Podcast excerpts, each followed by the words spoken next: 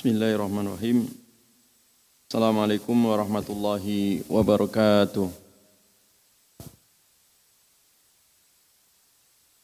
Alhamdulillah.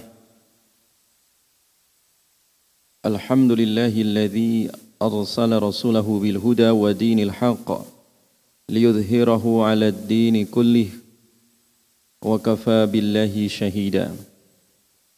أشهد أن لا إله إلا الله وحده لا شريك له إقرارا به وتوحيدا وأشهد أن محمدا عبده ورسوله الذي لا نبي ولا رسول بعده. اللهم صل وسلم وبارك على نبينا محمد وعلى آله الطاهرين الطيبين وأصحابه أجمعين. Man sara ala nahjihim ila yaumiddin. Bapak Ibu sekalian yang dirahmati oleh Allah. Alhamdulillah pada kesempatan yang insya Allah berkah ini kita dengan izin Allah bisa hadir di tempat yang paling mulia tempat yang paling dicintai oleh Allah di muka bumi yaitu masjidnya.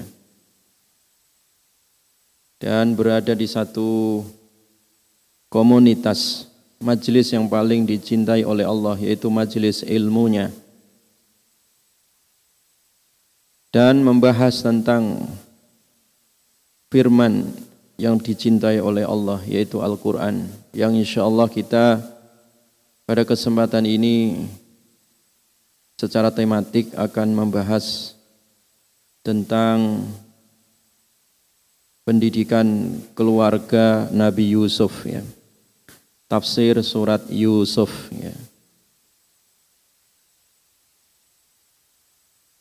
Pendidikan keluarga itu penting jamaah sekalian karena keluarga adalah miniatur sebuah masyarakatnya. Keluarga adalah miniatur suatu bangsa ya. Bahkan keluarga itu adalah miniatur dari sebuah peradaban. Ketika keluarga terdidik dengan benar, maka benar pula lah peradaban. Ketika keluarga terdidik dengan baik, maka masyarakat pun bangsa negara pun akan menjadi baik. Demikian juga sebaliknya, rusaknya keluarga adalah rusaknya masyarakat, rusaknya bangsa, dan bahkan rusaknya dunia. Ya. Peradaban rusak gara-gara keluarga yang rusak.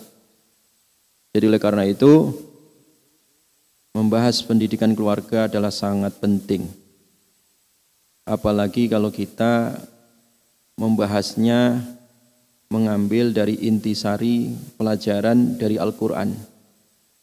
Salah satu keluarga besar yang diabadikan dalam Al-Quran yang syarat dengan hikmah dan sebaik-baiknya kisah adalah surat Yusuf. Surat Yusuf, sebuah keluarga yang terdiri dari seorang pimpinan keluarga ya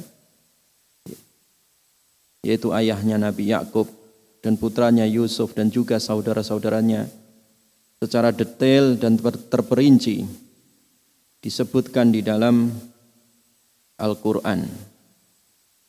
Makanya surat Yusuf ini dikenal sebagai surat yang mengkisahkan dengan sebaik-baiknya kisah ya dengan kisah yang terbaik nahnu nakussu alaika ahsanal qasasi bima awhayna ilaik. Sungguh kami telah menciptakan kami telah menceritakan ya kepadamu Muhammad ya tentang ahsanal qasas ya tentang sebaik-baiknya kisah ya. Bima awhayna ilaika tentang apa yang kami wahyukan kepadamu hadzal Quran. Ini Quran ya. Jadi kisah tentang Nabi Yusuf ini disebut sebagai sebaik-baiknya kisah di dalam Al-Qur'an. Karena kisah ini mengurai dari contoh peradaban manusia. Ya. Diurai sejak kecil sampai Nabi Yusuf dewasa. Mengurai tentang bagaimana perjuangan Yusuf ya. Mulai dari rumah sampai ke dalam sumur, sampai dibawa ke istana dan sampai ke dalam penjara. Itu diceritakan secara detail di dalam surat Yusuf ini. Dan syarat dengan mutiara pelajaran yang ada di dalamnya. Jadi tidak ada manusia yang sabar seperti sabarnya Nabi Yusuf ini. Ya. Bayangkan sejak kecil sudah dibuli sendiri oleh saudara-saudara kandungnya. Sejak kecil sudah ada upaya ya dihasut ya, didengki oleh saudaranya sendiri sampai ada usaha untuk membunuhnya walaupun akhirnya Yusuf diceburkan dimasukkan ke dalam sumur ya. Itu Nabi Yusuf. Nabi Yusuf pun dijual menjadi seorang budak walaupun tinggal di istana tetapi statusnya adalah sebagai budak. Demi membela harga dirinya, kesucian dirinya, dia rela memilih penjara daripada istana. Demikian itu kisah Nabi Yusuf alaihi salam, makanya disebut sebagai ahsan al-qasas ya. Sebaik-baiknya kisah di dalam Al-Quran. Makanya Nabi Sallallahu Alaihi Wasallam memerintahkan kepada kita, Alimu ariqakum surat Yusuf ajarilah budak-budak kalian ya surat Yusuf ya. ya. Jadi ajari kepada umat ini tentang surat Yusuf. Fa innahu ayyama muslimin. Fa innahu ayyama muslim siapa pun ya sesungguhnya ya siapa pun dia orang muslim ya talaha au 'allamaha ahlahu yang dia membacanya untuk diri sendiri atau mengajarkannya untuk keluarganya au ma malakat yaminuhu atau mengajarkan kepada budaknya. Hawanallahu alaihi sakaratal mauti wa a'tahu minal quwwati alla yahsuda musliman. Maka Allah akan mudahkan sakaratul mautnya dan Allah berikan kekuatan. Kekuatan iman, kekuatan akhlak sehingga dia tidak hasut kepada saudaranya muslim ya. Karena nanti di dalam surat Yusuf ini ketika Yusuf sudah memiliki tahta, memiliki kekuasaan ya, jabatan ada di tangannya, kekuasaan ada di tangannya, ada kesempatan untuk balas dendam atas kejahatan saudara-saudaranya, tetapi Nabi Yusuf tidak melakukan balas dendam, bahkan malah memaafkan. Makanya di sini nanti pelajaran penting bagaimana kekuatan memaafkan itu lebih indah daripada membalas dendam ya. Dan itu ajaran di dalam kisah Nabi Yusuf alaihi alaihi salam ya. Jamaah sekalian yang dirahmati oleh Allah. Jadi kisah Nabi Yusuf ini diawali dengan sebuah mimpi ya, diawali dengan sebuah mimpi. Dan mimpinya seorang nabi itu benar ya. Mimpi seorang nabi itu adalah wahyu ya. Kalau mimpinya orang saleh ya, itu sifatnya ilham ya. Dan kalau mimpinya orang-orang yang toleh itu bisa jadi godaan setan. Makanya mimpi itu ada kalanya itu wahyu ketika itu mimpinya para nabi. Ada kalanya mimpi baik yang diberikan Allah kepada orang saleh. Ada kalanya mimpi itu adalah hasutan setan ya, gangguan dari setan. Ya. Mimpi-mimpi buruk itu berasal dari setan. Ada kalanya mimpi itu ilusi ya, mimpi karena memang terbayang dengan aktivitas di siang hari atau sore hari ke bawah mimpi itu namanya ilusi ya. Nah, di sini diawali dari mimpinya Nabi Yusuf alaihi salam yang saat itu Nabi Yusuf melihat sebelas bintang ya. Idh qala Yusufu li abihi ya abati inni ra'aitu ahada asyara kawkaba Ketika Yusuf berkata kepada ayahnya, "Wahai ayahku, ya abati, wahai abah." Ya. Makanya di Al-Quran itu semua para nabi ketika memanggil ayahnya itu abah, ya, abah. Nabi Yusuf manggil kepada ayahnya abah, ya. Dan ini menjadi tradisi kita di Indonesia, ya. Para kiai-kiai itu putra putrinya kalau manggil ayahnya itu abah, ya. Terkadang santri-santri juga manggil kiainya namanya Abah ya. Karena memang ada landasan dasaran dalam Al-Quran. Jadi hampir semua para nabi ketika memanggil ayahnya itu pakai istilah Abah ya, bukan Abi ya, atau bukan ayah ya, atau bukan bapak, tapi Abah ya. Abah itu artinya ayah atau bapak yang tercinta ya. Dia lebih lebih ada nilai penekanan makna daripada daripada kata abi ya. Makanya yang bagus ketika manggil ke ayah itu abah ya, abah ya. Sebagaimana Nabi Yusuf memanggil ayahnya, ya abati, wahai ayahku, ya, wahai bapakku tercinta, wahai abahku. Ini sesungguhnya aku itu ahada asyara. Aku melihat sebelas kaukaba bintang ya, sebelas bintang wasyamsa dan matahari wal qamara dan rembulan. Ra'aituhum li sajidin. Jadi sebelas bintang tadi matahari dan bulan itu aku lihat semuanya sujud kepadaku. Jadi artinya memberikan penghormatan ya, memberikan penghormatan ya. Jadi lihat jamaah sekalian, ayat ini menggambarkan bahwa hendaklah keluarga itu jadilah keluarga anak-anak itu menjadi bintang. Dan jadilah seorang ayah itu laksana matahari. Dan jadilah ibu itu laksana rembulan. Dan inilah perumpamaan yang sangat indah dibuat oleh Al-Quran. Wahai ayahku tercinta, sungguh aku melihat sebelas bintang, satu matahari, satu bulan. Jadi sebelas bintang itu maksudnya adalah siapa? Saudaranya. Matahari itu yang dimaksud siapa? Ayahnya. Bulan yang dimaksud siapa? Ibundanya. Ya. Itu artinya keluarga Yusuf alaihissalam. Ya. Ini nikmat bahwa ini isyarat kelak Nabi Yusuf alaihissalam derajatnya ditinggikan oleh Allah subhanahu wa taala sehingga seluruh keluarganya menghormati dirinya.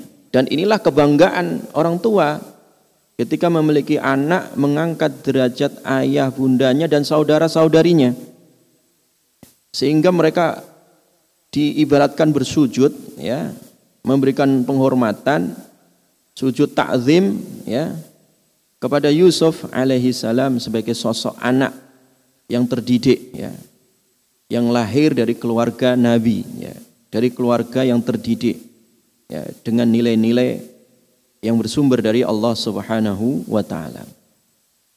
Jadi lihat kedekatan antara Nabi Yakub dengan Nabi Yusuf ya.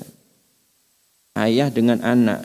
Ini namanya skill dalam masalah komunikasi. Penting membangun komunikasi antara seorang ayah dan anak. Sampai Yusuf pun curhat, berani curhat kepada ayahnya, "Ya, wahai Abah, aku lihat tadi malam sebelas bintang, satu matahari dan satu rembulan. Nah, ini bahwa kedekatan seorang ayah dengan anak sehingga anak mau bercerita. Beda kalau ayahnya galak. Ya. Kalau datang ayahnya ditakuti, kalau pergi disenangi sama anaknya. Ini keliru ayahnya, ya.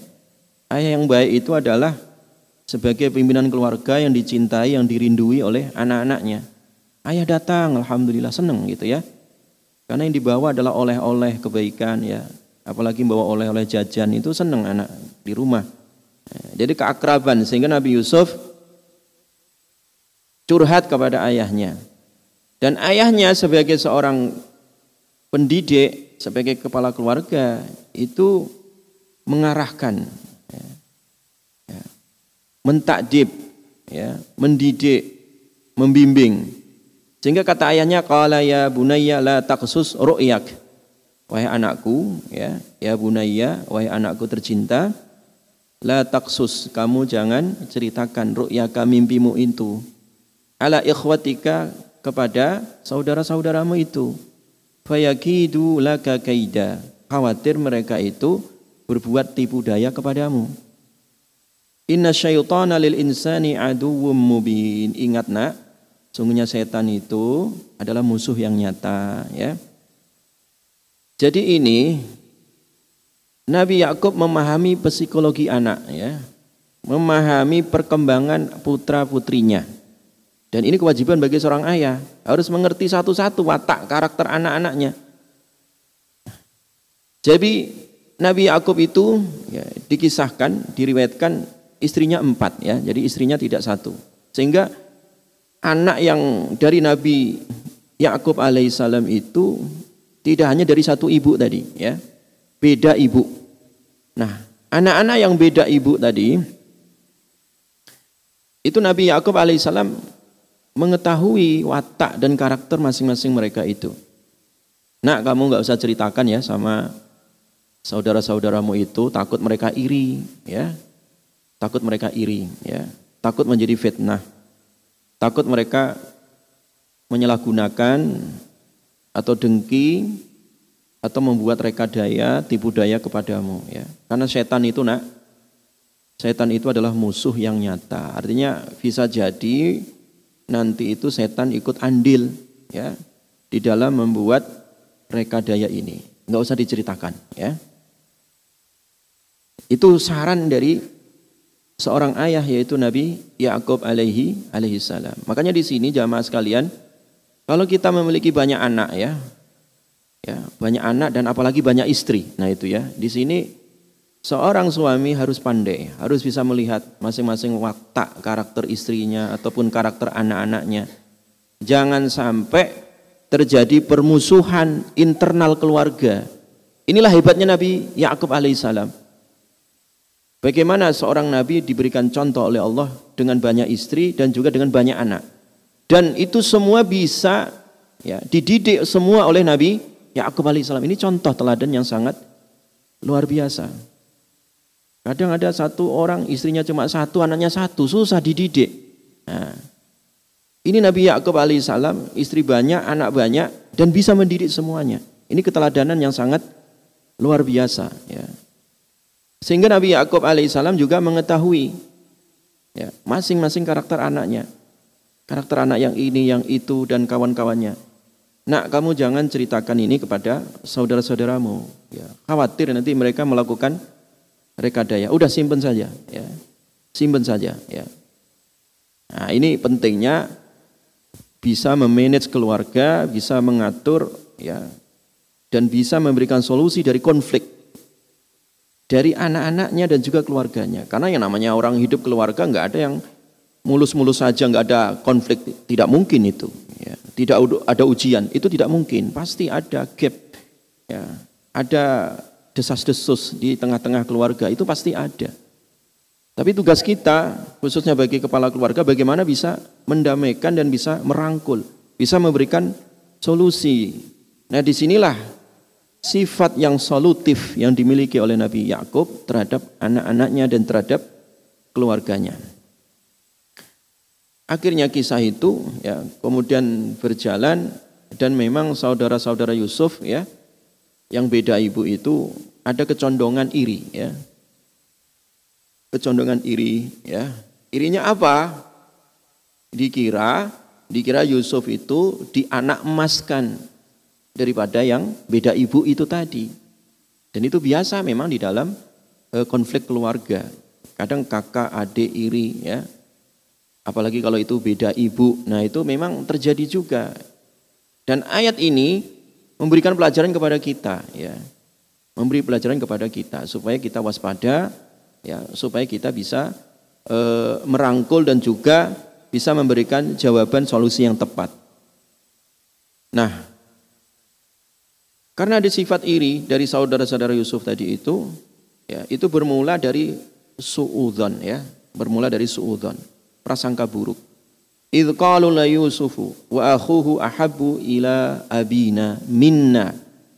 Ya, kata saudara-saudaranya Yusuf yang beda ibu itu, wah Yusuf ini dan saudaranya yang bernama Benyamin itu lebih dicintai oleh ayah kita, ya, oleh Yakub daripada kita sendiri. Ya. Wa nahnu usbah. Wa nahnu usbah. Padahal kita ini lebih banyak. Kita ini lebih kuat gitu. Nah ini egosentris mulai muncul. Jadi karena mereka itu, jadi perlu diketahui bahwa Yusuf dan Benyamin itu hanya dua saudara, yang lainnya itu sepuluh. Ya. Jadi mereka merasa usbah, merasa lebih besar, merasa lebih kuat, ya, merasa lebih hebat. Loh, kok yang dikasih perhatian kok Yusuf? Padahal itu prasangka mereka sendiri gitu. Itulah bisikan setan tadi yang diingatkan oleh ayahnya ingat nak setan itu musuh yang nyata ya. Bisa jadi ini jadi bisikan bagi saudara-saudaramu. Nggak usah diceritakan itu ya. Nah jadi ringkas ceritanya tadi karena mereka itu merasa ya, iri dengan Yusuf ya, berangkat dari suudzon ya. Akhirnya mereka merancang sebuah rencana untuk memusnahkan Yusuf menyingkirkan dari keluarga mereka akhirnya musyawarah, ya saudara-saudara Yusuf itu musyawarah bagaimana cara menyingkirkan Yusuf dari rumah ini. Sebagian mereka ada yang berpendapat dibunuh saja. Sebagian mereka jangan, ya, ya jangan terlalu anarkis. Dibuang saja, yang penting dia nggak balik ke rumah. Ya. Qala qailum minhum la taqtulu Yusuf. Ya. Wa alquhu fi ghayabatil jub. Enggak usah dibunuh Yusuf dicemplungkan saja, dibuang saja ke sumur ya. Barangkali nanti ditemu orang yaltaqituhu ba'du sayyarah in kuntum fa'ilin ya. Barangkali nanti di ditemu oleh orang yang lewat, nah biar aja dibawa orang dia. Yang penting jangan dibunuh. Akhirnya mereka sepakat ya untuk membuang Yusuf tanpa harus di, dibunuh. Ya. Tanpa harus di, dibunuh. Ya. Akhirnya mereka meminta izin ya merayu ayahnya, merayu Yakub ya supaya dilepas bisa diajak untuk pergi ya. Nah, kata mereka arsilhu ma'ana ghadan ya yarta wa yal'ab yarta wa yal'ab wa inna lahu lahafizun ya. Ayah, wahai abah, tolong lepaskan Yusuf bersama kami besok besok ya esok hari gitu ya yarta supaya dia senang-senang ya makan-makan wayal abdan main-main ya wa inna lahu lahafizun dan kita insyaallah yang menjaganya makanya polanya pinter dia diajak makan-makan ya main-main dan itu memang tabiat anak suka ya. makanya ayat yang bicara tentang bagaimana kita memberikan porsi waktu permainan anak itu memang ayat ini ya. Memang anak itu harus main ya, diberikan porsi untuk bermain. Karena bermain dia itu adalah belajar ya. Sehingga karena alasannya adalah bermain dan belajar, bermain dan bersenang-senang, Nabi Yakub nggak tega ya sudah bawa saja ya. Karena memang tabiat anak butuh main ya. Akhirnya dilepas. Walaupun Nabi Yakub alaihissalam berat untuk melepaskan qala inni la yahzununi an tadhhabu bihi wa akhafu ay ya'kulahu dhib. Saya itu sedih ya dengan kepergian kalian ini ya bersama Yusuf itu. Saya khawatir kalau Yusuf nanti dimakan serigala ya. Kalau dimakan serigala gimana nanti dia masih kecil ya. Wa antum anhu ghafilun. Sementara kalian ini takutnya lengah. Akhirnya beralasan kami ini kan kelompok yang banyak ayah ya abah ya nggak usah khawatir. Ya, kalau kami sampai lalai itu mah rugi, nggak mungkin lah gitu ya. Akhirnya karena mereka meyakinkan Nabi Yakub dilepas pula itu Yusuf ya.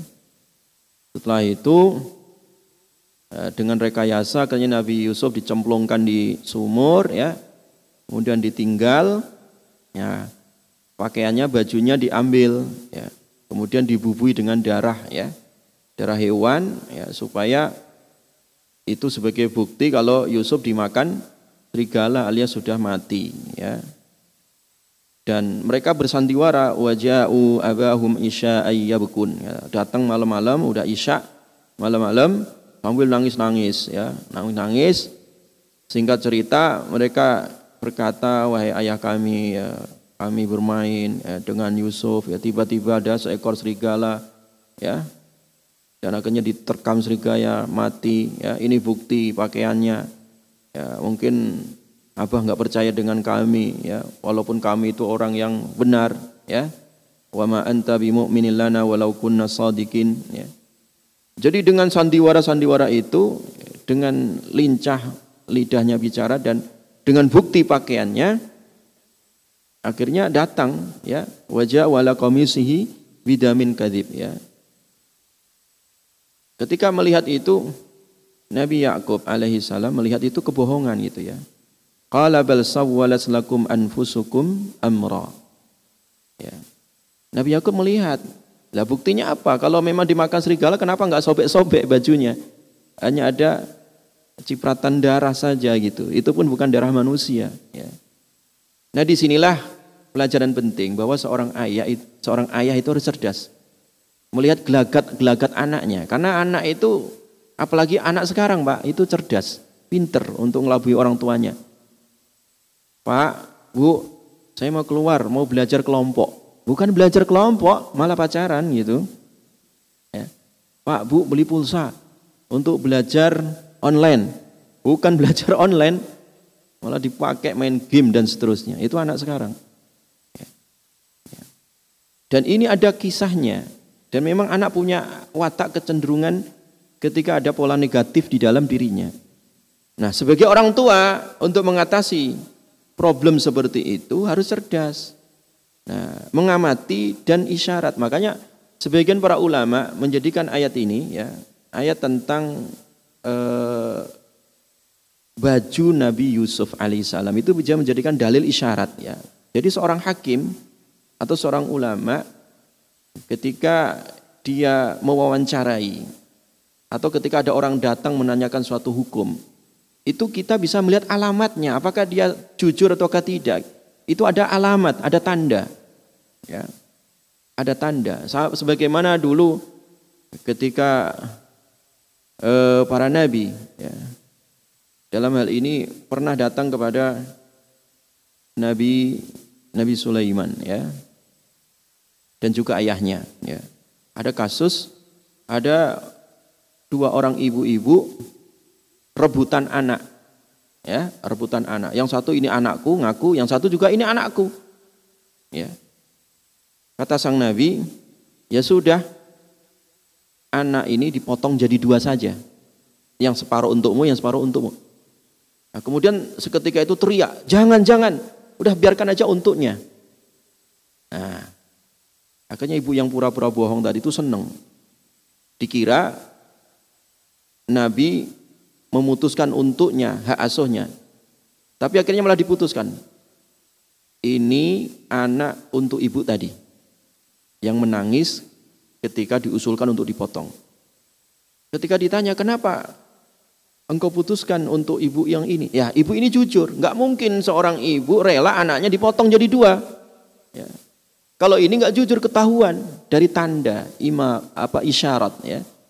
Nah demikian juga Nabi Nabi Yakub alaihissalam di sini ya. Nabi Yakub alaihissalam di sini itu juga melihat tanda-tanda gelagat ketidakjujuran anak-anaknya tadi ya. Dengan membawa baju dan pura-pura dengan air mata buaya ya pura-pura nangis ya diiringi dengan bukti baju yang tidak sobek tapi tercecer darah. Masa serigala gigit manusia bajunya masih utuh. Nah, ini kan kelihatan bohongnya ya gitu. Ya, kelihatan bohongnya gitu ya. Ya, ya masa undang-undang seribu halaman disahkan dalam satu malam diketuk gitu ya. Apalagi mic-nya dimatikan. Ya, kelihatan itu tanda-tandanya kan. Ya, benar nggak ini pengesahan undang-undangnya? Ya, gitu. Jadi ada tanda-tanda di dalam kehidupan ini. Ya. Makanya ya Bal sawwalat lakum anfusukum amra ya. Di sini Nabi Yakub alaihissalam ya sebenarnya hanya diri sendirilah dirimu sendirilah yang ya memandang baik urusan yang buruk itu. Jadi artinya kalian telah dihias-hiasi sifat ego, sifat hasut ya yang ada di dalam diri kalian tadi sehingga sampai terjadi kayak seperti ini. Fasabrun jamil. Nah, kemudian Nabi Yakub alaihissalam mengambil satu sikap ya. Bayangkan Nabi Yusuf itu anak yang paling dicintai. Memang betul. Nah, kita punya anak sepuluh. Itu pasti ada salah satu di antara mereka yang paling dicintai oleh ayahnya. Itu tabiat manusia memang seperti itu. Demikian juga Nabi Yakub. Ketika mendengar anaknya hilang, oh rasanya kayak apa itu? Kayak sambar petir kan, ya.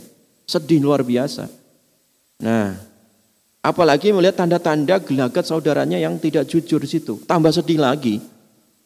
Nah, Di sinilah sikap Nabi Yakub alaihissalam fasabrun jamil, ya, kesabaran yang terbaik. Sabar, sabar yang baik. Karena ada orang sabar tapi ala kadarnya.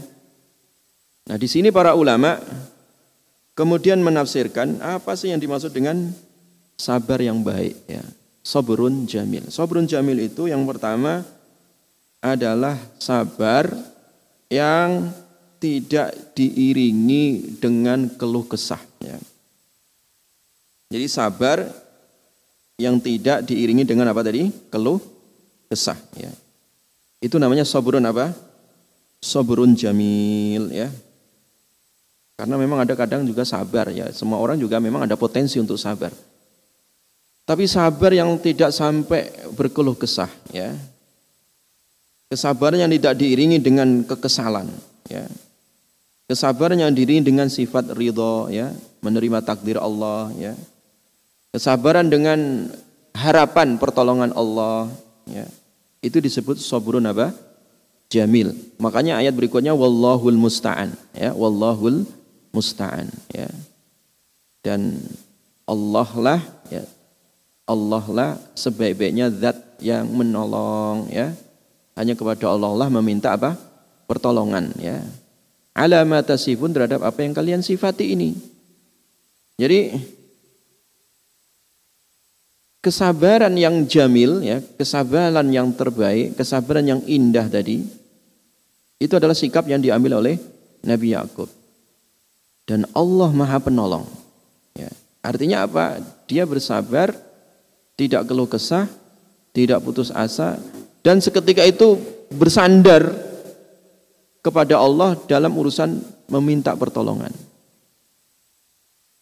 Nah, itu sikap orang tua ya.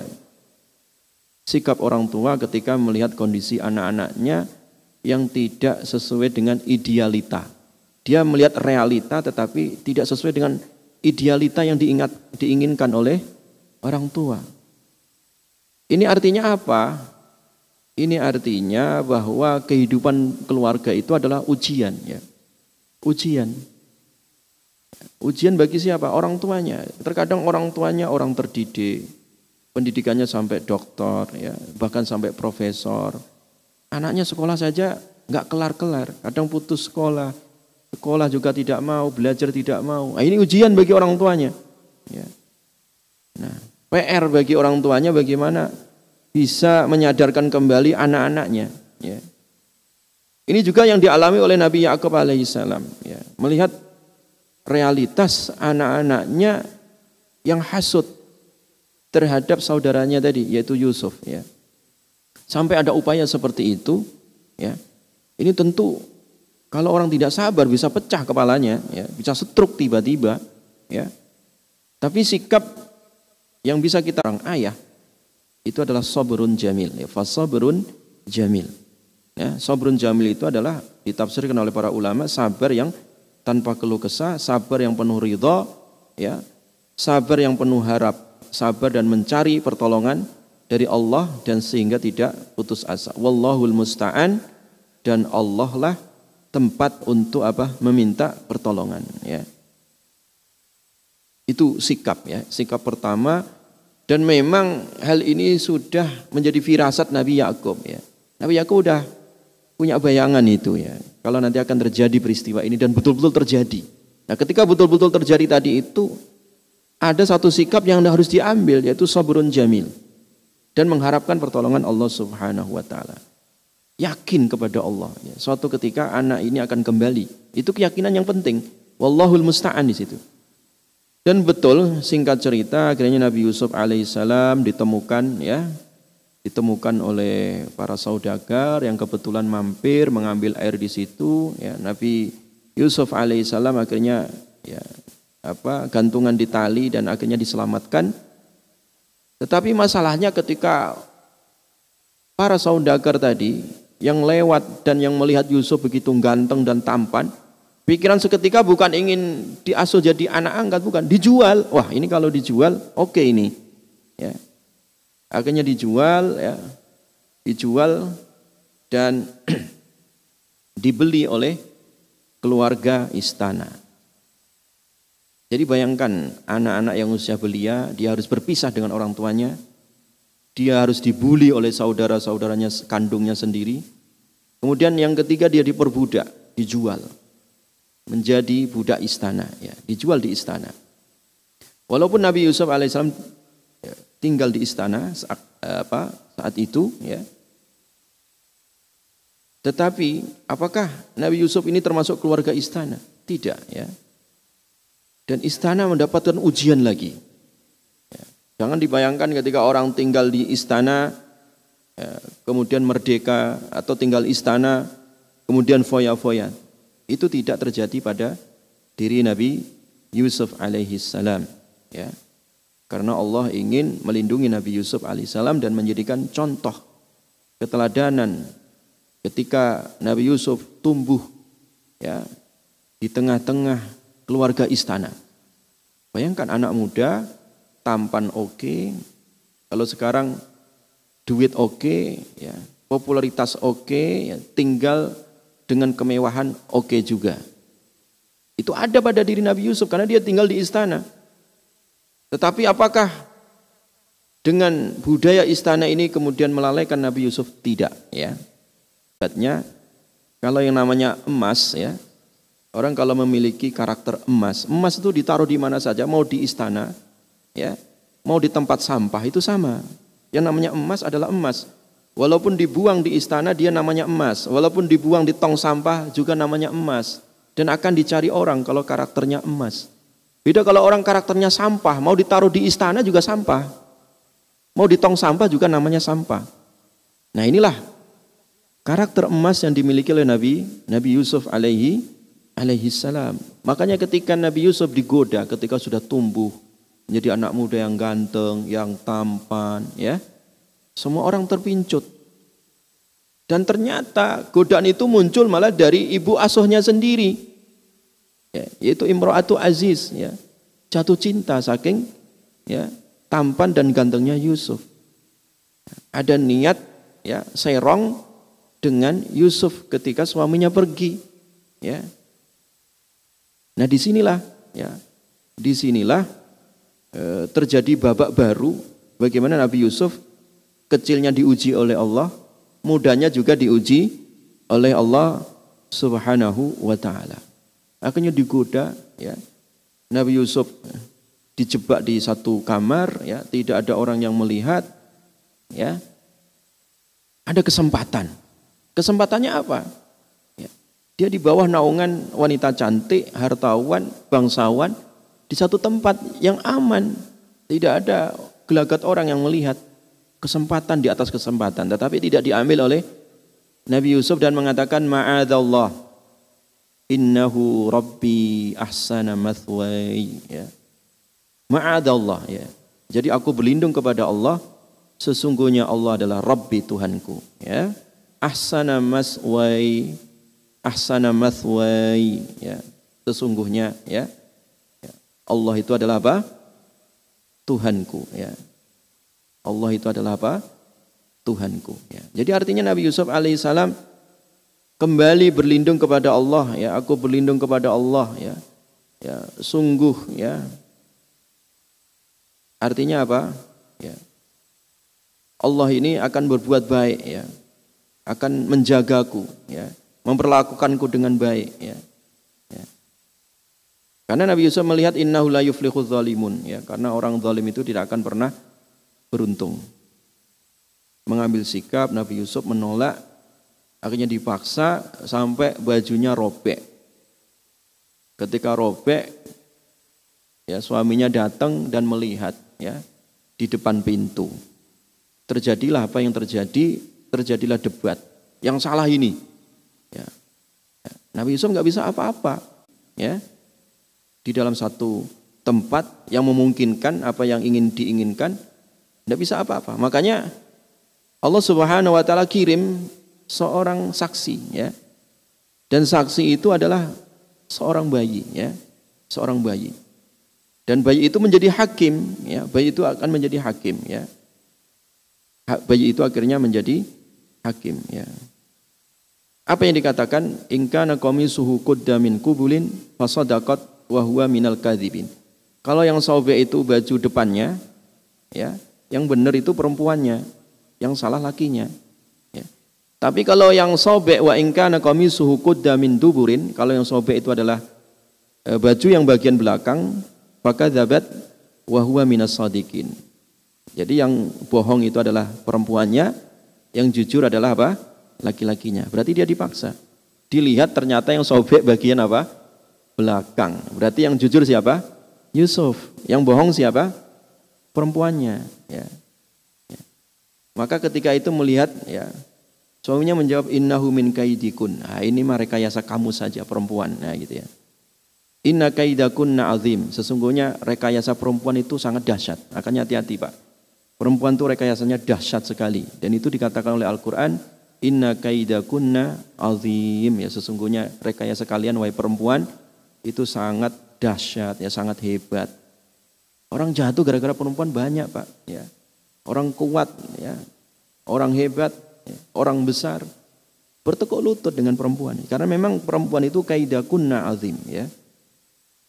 Yang akhirnya ya akhirnya kabar ini pecah ya. Seluruh istana tahu apalagi emak-emak, ibu-ibu semuanya tahu jadi rame betul kasus ini.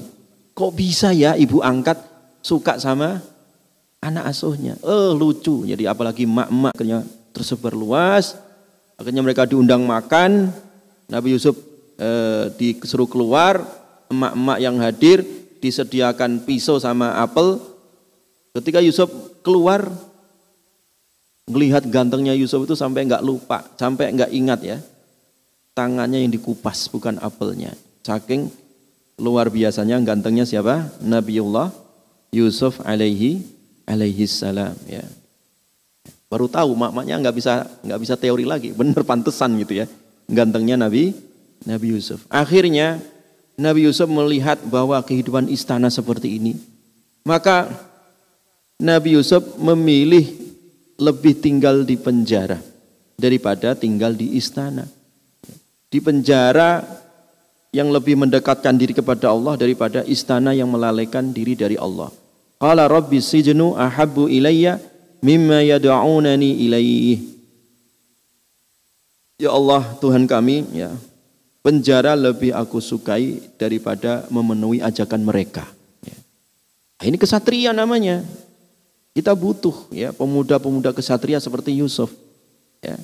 Bukan pemuda-pemuda yang lemah dari sisi mental dan akalnya. Ya. Yang lebih dominan syahwatnya. Nabi Yusuf bagaimana bisa memanage, bisa mengendalikan syahwat tadi itu dan bahkan memiliki jiwa kesatria ya bahwa penjara ya ahabbu ilayya mimma yad'unani ilaih ya lebih aku cintai daripada ajakan-ajakan setan, ajakan-ajakan mereka ya yang bisa menyesatkan.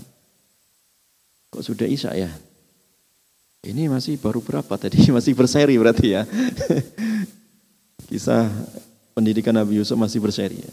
Baiklah ya, insya Allah kita lanjutkan eh, dan tolong diingatkan saya ya, tolong diingatkan saya nanti khawatir saya lupa ya. Insya Allah pada eh, pertemuan berikutnya kita kupas kembali berseri tentang pendidikan keluarga Nabi Yusuf.